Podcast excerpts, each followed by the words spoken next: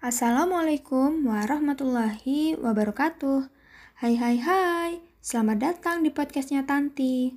Hari ini aku mendapatkan tugas untuk berbagi cerita tentang kerajaan Mughal. Poin-poin yang bakal aku jelasin yang pertama adalah bagaimana sejarah kerajaan Mughal, kemudian ada kejayaan, kontribusi, dan kemunduran yang terjadi pada kerajaan Mughal, dan poin penting yang terakhir adalah apa saja warisan-warisan dan pengaruh yang diberikan kerajaan Mughal sampai saat ini. Langsung saja kita bahas poin penting yang pertama. Dulu, sekitar tahun 1526 sampai 1857, Kesultanan Mughal memerintah negara India, Pakistan, Bangladesh, Afghanistan, dan anak benua India. Zahiruddin Babur merupakan pendiri Kesultanan Mughal yang telah berhasil mengalahkan Ibrahim Lodi pada pertempuran Panipat pertama. Setelah ditegakkannya pemerintahan Babur di Delhi, India, maka lahirlah Kerajaan Mughal pada tahun 1526. E, singkat cerita, setelah Babur meninggal, kerajaan tersebut dipimpin oleh Hamayun.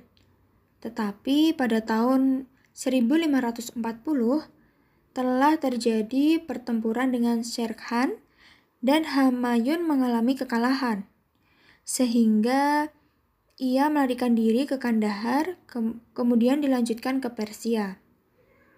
Di sana, ia mempersiapkan e, atau menyusun kembali tentaranya untuk mengambil alih kekuasaannya dari tangan Sher Khan yang dibantu oleh Raja Persia.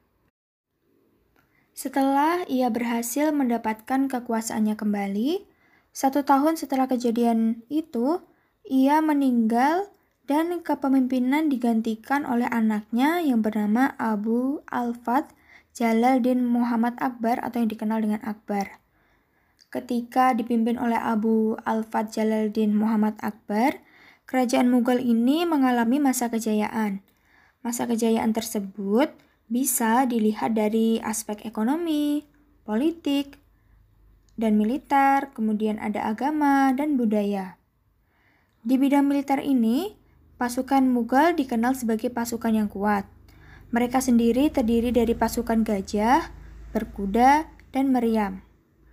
Kemudian, kontribusi Mughal di bidang ekonomi uh, adalah memajukan pertanian, terutama untuk tanaman padi, kacang, tebu, rempah-rempah, tembakau, dan kapas. Kemudian pemerintah juga turut membantu lem membentuk lembaga khusus untuk mengatur masalah pertanian. Kemudian ada juga di bidang hasil karya seni dan arsitektur. Ciri khas yang menonjol dari arsitektur Mughal adalah pemakaian ukiran dari marmer.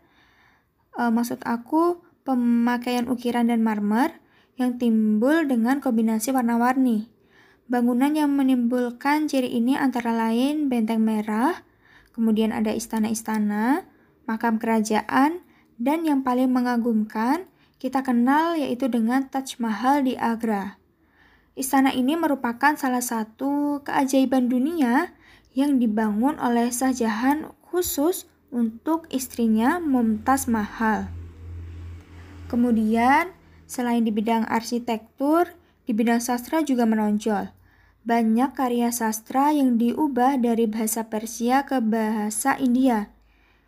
Dan juga pada masa Akbar berkembang bahasa Urdu yang merupakan perpaduan dari berbagai bahasa yang ada di India. Bahasa Urdu ini kemudian banyak dipakai di India dan di Pakistan sekarang.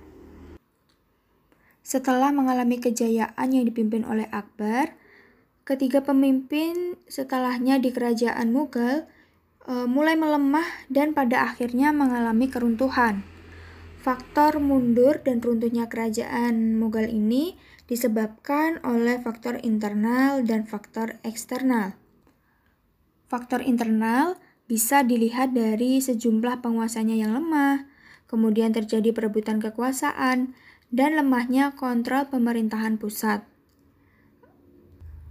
Kemudian di faktor eksternal itu terjadi karena adanya pemberontakan di mana-mana, uh, seperti pemberontakan di kaum Sikh di utara, gerakan separatis Hindu di India Tengah, kemudian ada kaum muslimin di timur, dan yang terberat adalah invasi Inggris melalui EIC.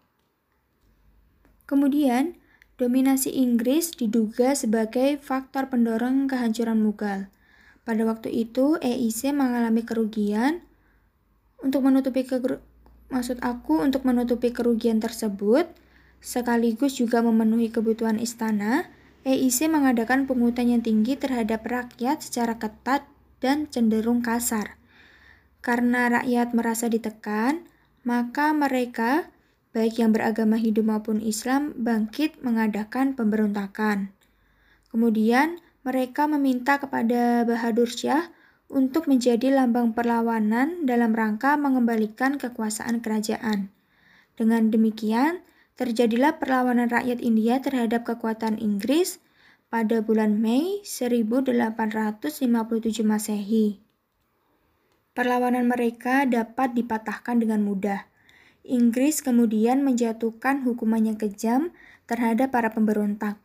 Mereka diusir dari kota Delhi, rumah-rumah ibadah banyak yang dihancurkan, dan Bahdur Shah, Raja Mughal terakhir diusir dari istana dan itu terjadi pada tahun 1858 Masehi.